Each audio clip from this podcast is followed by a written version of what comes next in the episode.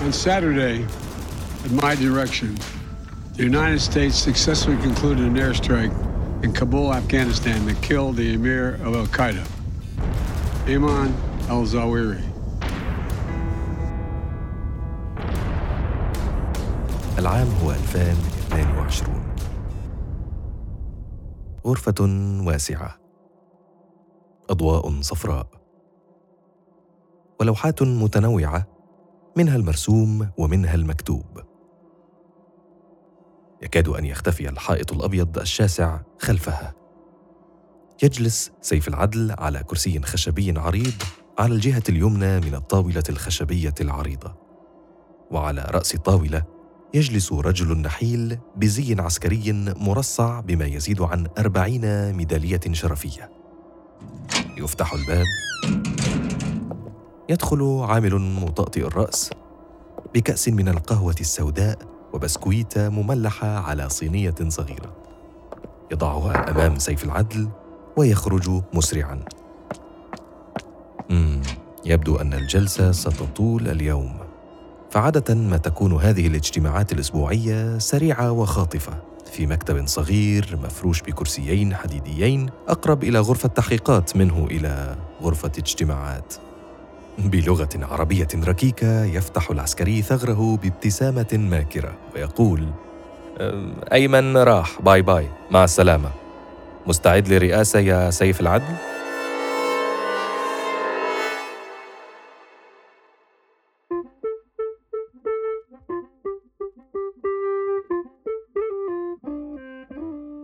أنتم الآن تستمعون إلى الحلقة الخامسة والأخيرة من سلسلة متلازمة طهران من بريفينج بودكاست تابعونا على أخبار الآن بودكاست سنجمع في هذه الحلقة كل الخطوط التي تناولناها في الحلقات الماضية والتي تقرب تنظيم القاعدة أكثر وأكثر إلى إيران وسنجيب على أبرز أسئلة هذا الوثائقي هل ماتت النسخة التي نعرفها الآن عن تنظيم القاعدة؟ وهل سيتم استبدالها بنسخة إيرانية معدلة؟ وما هو مستقبل تنظيم القاعدة بعد مقتل رجله السابق ورجل الأكثر تأثيراً فيه أيمن الظواهري؟ وهل كان للنظام الإيراني دور في مقتله؟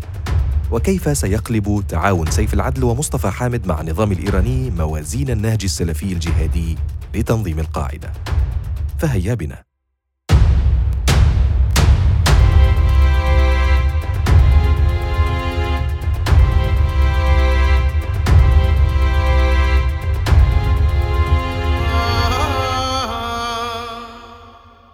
هل تبادر إلى أذهانكم يوما هذا السؤال كيف استطاعت المخابرات الأمريكية تحديد موقع أيمن الظواهري في العاصمة الأفغانية كابول واغتياله عام 2022 لم تكن الغارة الجوية التي قضت على أيمن الظواهري عملاً فردياً أدته أجهزة المخابرات الأمريكية بنفسها، بل كانت عملاً جماعياً ومخططاً كبيراً تشاركت فيه عدة دول وعلى رأسها إيران. رأت إيران أن التخلص من أيمن الظواهري يعتبر الحركة الأمثل لتحييد أبرز قيادات القاعدة التي وقفت ندا لها، وبالتالي تحقيق مصالحها السياسية وغير السياسية بالمنطقة، وإخلاء الساحة للمجموعة المقربة منها في تنظيم القاعدة، وعلى رأسهم سيف العدل وعبد الرحمن المغربي صهر أيمن الظواهري، المصابان بشدة بمتلازمة طهران.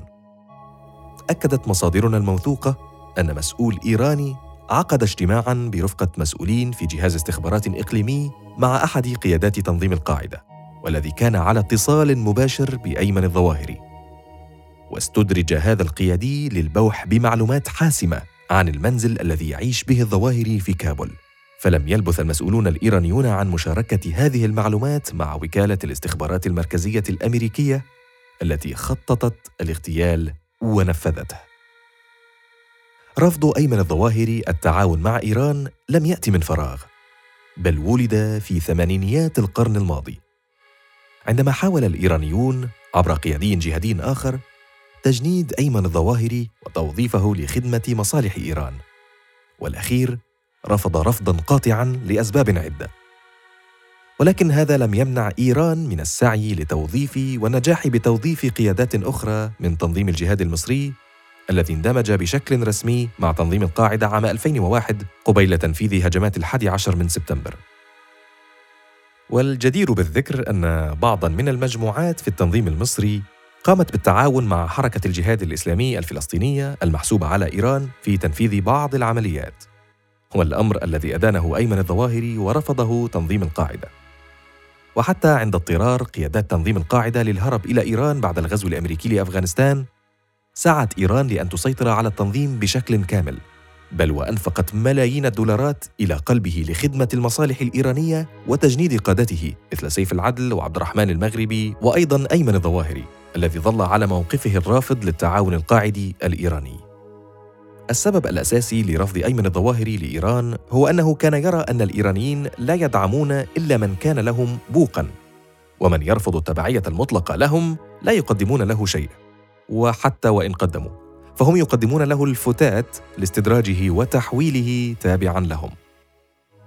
شجع أيمن الظواهري الجهاديين الذين يتعاملون مع طهران إلى ترك هذا التعاون لأنه برأيه مسلكهم هذا لن يقدم لهم أي منفعة ولأنهم سيتهمون أيضا بأنهم عملاء لإيران وسيفقدون بالتالي حرية قراراتهم واحترامهم من داخل التنظيم. وأكبر مثال على هذا هو ما حدث مع قادة القاعدة المصابين بمتلازمة طهران والذين أصبحوا يوصفون بأنهم عملاء لإيران. قد يبدو للبعض أن لجوء قادة القاعدة إلى إيران هربا من أفغانستان كان بسبب القرب الجغرافي بين الدولتين واضطرارهم لهذه الهجرة. ولكن أبو حفص الموريتاني مفتي تنظيم القاعدة الأسبق أكد عكس ذلك تماما. فوضح أبو حفص أن إيران قد قدمت دعوة لقادة القاعدة الذي كان هو واحد منهم للقدوم إلى إيران والعيش فيها. لنستمع لما قاله أبو حفص. أنا في الحقيقة لم أختر إيران اختيارا ولكن اضطررت إليها اضطرار. آه، نحن عندما سقطت أفغانستان آه، لم يكن لنا منفذ ومخرج إلا إلى باكستان أو إلى إيران. باكستان معروف موقفها. قد كان بروز مشرف أمريكيا أكثر من الرئيس بوش. وبالتالي لم يكن هنالك مخرج إلا إلى إيران. آه، وإيران آه، في الحقيقة آه، تقدمت بعرض واستعداد لاستقبالنا في هذه الظروف. فدخلنا إليها مضطرين لأننا لم نجد غيره. وأكد أبو القسام الأردني القيادي السابق بالقاعدة والذي قتل عام 2020 واقعة العرض الإيراني لقيادات القاعدة أيضا. أبو القسام كان واحدا من قيادات القاعدة الخمسة الذين تم الإفراج عنهم من قبل السلطات الإيرانية عام 2015 بموجب صفقة تبادل أسرى. وصرح أن سيف العدل يعيش الآن في إيران بحرية ولا يخضع للإقامة الجبرية. مما يؤكد على علاقة سيف العدل ورفاقه المتينة مع السلطات الإيرانية منذ فترة طويلة. تصفية أيمن الظواهري المعادي للهيمنة الإيرانية على تنظيم القاعدة لم يكن حالة منفردة أبداً. فيكشف البحث الدقيق على مدار السنوات الماضية أن عمليات استهداف وتصفية قيادات تنظيم القاعدة كانت استراتيجية ومركزة على القادة المعارضين لفكرة التحالف مع إيران في مقابل الإبقاء على القيادات المتعاونة. فلنأخذ على سبيل المثال حالة مجموعة خرسان التي تتألف من مجموعة من قيادات القاعدة التي رحلت من أفغانستان وباكستان إلى سوريا ويرأسها القيادي محسن الفضلي ويتبنون أيديولوجيا الجهادية العالمية. جرى استهداف مجموعة خرسان من قبل التحالف الدولي للحرب على داعش بصورة متتالية ودقيقة. هذا النوع من الاستهداف المركز يوحي بوجود وشاية من داخل تنظيم القاعدة أفضت إلى الكشف عن مخابئ هذه القيادات. وبدوره إلى مقتل هؤلاء القادة. وبنفس الطريقة تماما استهدف أبو الخير المصري نائب أيمن الظواهر سابقا والمرشح الرئيسي لخلافته وتصفيته أيضا بعد خلافه مع سيف العدل وأبو محمد المصري المصابين بمتلازمة طهران. وسط انقسامات بين القيادة العامة للقاعدة أو ما تسمى بقاعدة خرسان وبين الفرع السوري لتنظيم القاعدة والذي انشق عنه لاحقا ليصبح هيئة تحرير الشام. والغريب بالموضوع أن المجموعات التي تم استهدافها في سوريا وصلت إلى سوريا بالأساس من باكستان وأفغانستان عبر المرور من الأراضي الإيرانية التي كانت تخشى شر هذه المجموعات التي تتبنى الرفض التام للتدخلات الإيرانية. وسمحت لقيادات القاعدة التي ترفض تكفير النظام الإيراني وتشجع التعاون معه بالبقاء على أراضيها مثل سيف العدل وأبو محمد المصري. ويروي أبو عبيدة اللبناني الذي شغل مناصب عليا في قيادة تنظيم القاعدة قبل الانشقاق عنه وانضمامه لتنظيم داعش بعد الإعلان عن الخلافة في 2014 في حواره مع صحيفة النبأ الناطقة بلسان داعش. أن الانتقال إلى سوريا كان سهلا نسبيا. فيصف كيف كان منسقو القاعدة يشرفون على إدخال أفراد تنظيم القاعدة إلى إيران ويضعونهم في مضافات لفترة من الزمن إلى حين ترتيب أمور سفرهم. ويصف أيضا أن كل ذلك كان يحدث تحت عين أجهزة المخابرات الإيرانية التي كانت تتابع أيضا جميع اتصالات وتحركات أفراد القاعدة حتى ساعة سفرهم. تصفية قيادات القاعدة الرافضين للتحالف مع إيران ما هو إلا جزء من خطة أوسع وأشمل تهدف للسيطرة والتحكم المطلق بتنظيم القاعدة. كيف؟ من خلال ما يسمى بالسلفية الجهادية التقليدية. ما هي السلفية الجهادية التقليدية؟ يحدد مصطفى حامد ملامح هذه الحالة الجهادية الجديدة بأربع نقاط رئيسية في مقالين نشرهما في 2022 على موقعه الإلكتروني مافا الإيراني المقال الأول بعنوان البلطجة الأمريكية في الخليج والمقال الثاني بعنوان وإسلاما أولاً أن السلفية الجهادية التقليدية ستجدد الفقه الجهادي التقليدي من الناحية النظرية والعملية ليكون المشروع الجهادي الجديد. ثانياً ستكون قاعدة عمليات السلفية الجهادية التقليدية في إيران، وستمثل إيران القيادة السياسية ورأساً للمشروع. وسيتضمن التنظيم العسكري لهذا النهج تنظيم القاعدة وأفرعه الخارجية بالإضافة إلى الميليشيات المحسوبة على إيران مثل حزب الله اللبناني والميليشيات الشيعية في العراق واليمن وسوريا. ثالثاً، هدف السلفية الجهادية التقليدية هو إثارة القلاقل ونشر الفوضى، ومن ثم إطلاق ما يسمى بالجهاد البحري الذي سيشن هجمات منسقة وواسعة النطاق على عدة مناطق من شط العرب في العراق إلى طرطوس في سوريا إلى مقديشيو في الصومال وإلى مومباسا في كينيا. ورابعا وآخر نقطة في أجندة السلفية الجهادية التقليدية هي دعم إيران ضد أي تحالف عربي أو ناتو عربي يتم تشكيله في المنطقة. وضد أي تحرك أمريكي أو إسرائيلي يهدف إلى عزل إيران عن السواحل أو الممرات البحرية الحيوية. تعكس كتابات وخطط مصطفى حامد حالة من البراغماتية والتناقض الشديد في خدمة واضحة للسيناريو الإيراني. فنرى مصطفى حامد الرجل الذي انتقد أيمن الظواهري في 2015 لاختياره مبايعة الملا أختر منصور الأمير السابق لطالبان لأن البيعة اشترطت أن يكون الولاء مقابل العمل على استرداد أراضي المسلمين من كاشغر إلى الأندلس. هو نفسه مصطفى حامد الذي يدعو الآن لتحالف السلفية الجهادية مع إيران. بإمكاننا أن نرى هذا التحالف بأم أعيننا في اليمن على سبيل المثال. حيث بدأ فرع القاعدة هناك بالتماهي مع جماعة الحوثي التابعة لإيران حتى من قبل مقتل أيمن الظواهري. فاعترف خالد باطرفي أمير القاعدة في اليمن في لقاء سابق بأنهم انسحبوا من جبهات ومعارك مختلفة أمام الحوثيين بسبب أطراف أخرى تحارب التنظيم. وانسحابهم ما هو إلا استراتيجية عسكرية ليقوم أعداء التنظيم بالقضاء على بعضهم. ويؤكد جلال حسن قائد دفاع شبوة في اليمن عن طبيعة تنسيق الحوثيين مع تنظيم القاعدة فيقول أن الحوثي يقوم بالاستيلاء على مناطق معينة ثم ينسحبون منها مباشرة ويسلمونها لتنظيم القاعدة. ما أن يستقر تنظيم القاعدة فيها حتى تعود جماعة الحوثي إلى تلك المناطق بدعوى حرب القاعدة. لعبة يلعبها تنظيم القاعدة وجماعة الحوثي لإرهاق واستنزاف التحالف.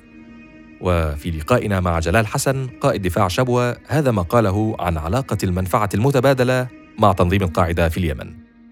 عندما سيطر الحوثي ربما جاءت اتفاقات سياسية انسحب الحوثي فترك فراغ في المحافظة استغل الفراغ التنظيم. فكان وهذا عبء يعتبر على التحالف لأن هذا لعبة بين الحوثيين والتنظيم. التنظيم الحوثيين يسهلون للتنظيم دخوله إلى مواقع معينة ثم يرجعون بعد ذلك تحت شعار محاربة التنظيم. هذه الفترة الدولة ما فيش انتهت الدولة بمؤسساتها العسكرية والأمنية وتشكيلاتها ومسمياتها. فلم تكن هناك إلا المقاومة الجنوبية. عملت على تأمين عاصمة المحافظة فقط. ولكن المقاومة الجنوبية ليس لديها التسليح الكافي لمحاربة التنظيم. التحالف أعطى الدور لأبناء الأرض. أبناء المحافظة أبناء شبوة عليهم أن يقوموا بتأمين محافظتهم. وهم أولى وأحق بها. فجاءت فكرة إنشاء النخبة الشبوانية على غرار النخبة الحضرمية التي انتصرت على التنظيم وحررت ساحل حضرموت واستعادته. وأنشئت النخبة الشبوانية من أبناء القبائل. من شأت بالحاف النفط الغازية قام بتأمينها أبناء الأرض وتقاتلوا مع التنظيم واشتبكوا وقدموا شهداء. ولكنهم لم يسلموا المنشأة ولم يسمحوا بالنهب أو السلب. كل هذه الوقائع يمكن تأكيدها بشكل رسمي بعد أن أيد تنظيم القاعدة علانية وللمرة الأولى اقتراحات مصطفى حامد للتحالف مع إيران. جاء هذا التأييد بعد مقتل أيمن الظواهري في أغسطس من عام 2022 حيث أصدرت القيادة العامة لتنظيم القاعدة بياناً عبر مؤسسة السحاب وهي الذراع الإعلامي للتنظيم. أن قمة جدة للتنمية والأمن التي انعقدت في يوليو عام 2022 تحاول التفرقة ما بين المعسكرين السني والشيعي ودعا التنظيم لإنشاء تحالف مشترك يستطيع مواجهة الحركات التي تريد تحجيم الحركات الوطنية التابعة لإيران مثل جماعة الحوثي وحزب الله اللبناني. تأييد أتى لإخماد أي شكوك بانتقال السلطة المركزية لتنظيم القاعدة من أفغانستان إلى إيران. وخاصة بعد مقتل أيمن الظواهري واندثار أي معالم حقيقية لأي قائد يخلفه يستطيع انتشال تنظيم القاعدة من الحفرة التي وقع فيها. تأييد يحدد بدوره مستقبل التنظيم وتحوله إلى الجهادية الإيرانية بقيادة سيف العدل المصاب الأشد بمتلازمة طهران. وحماه مصطفى حامد المصاب أيضا بنفس المتلازمة.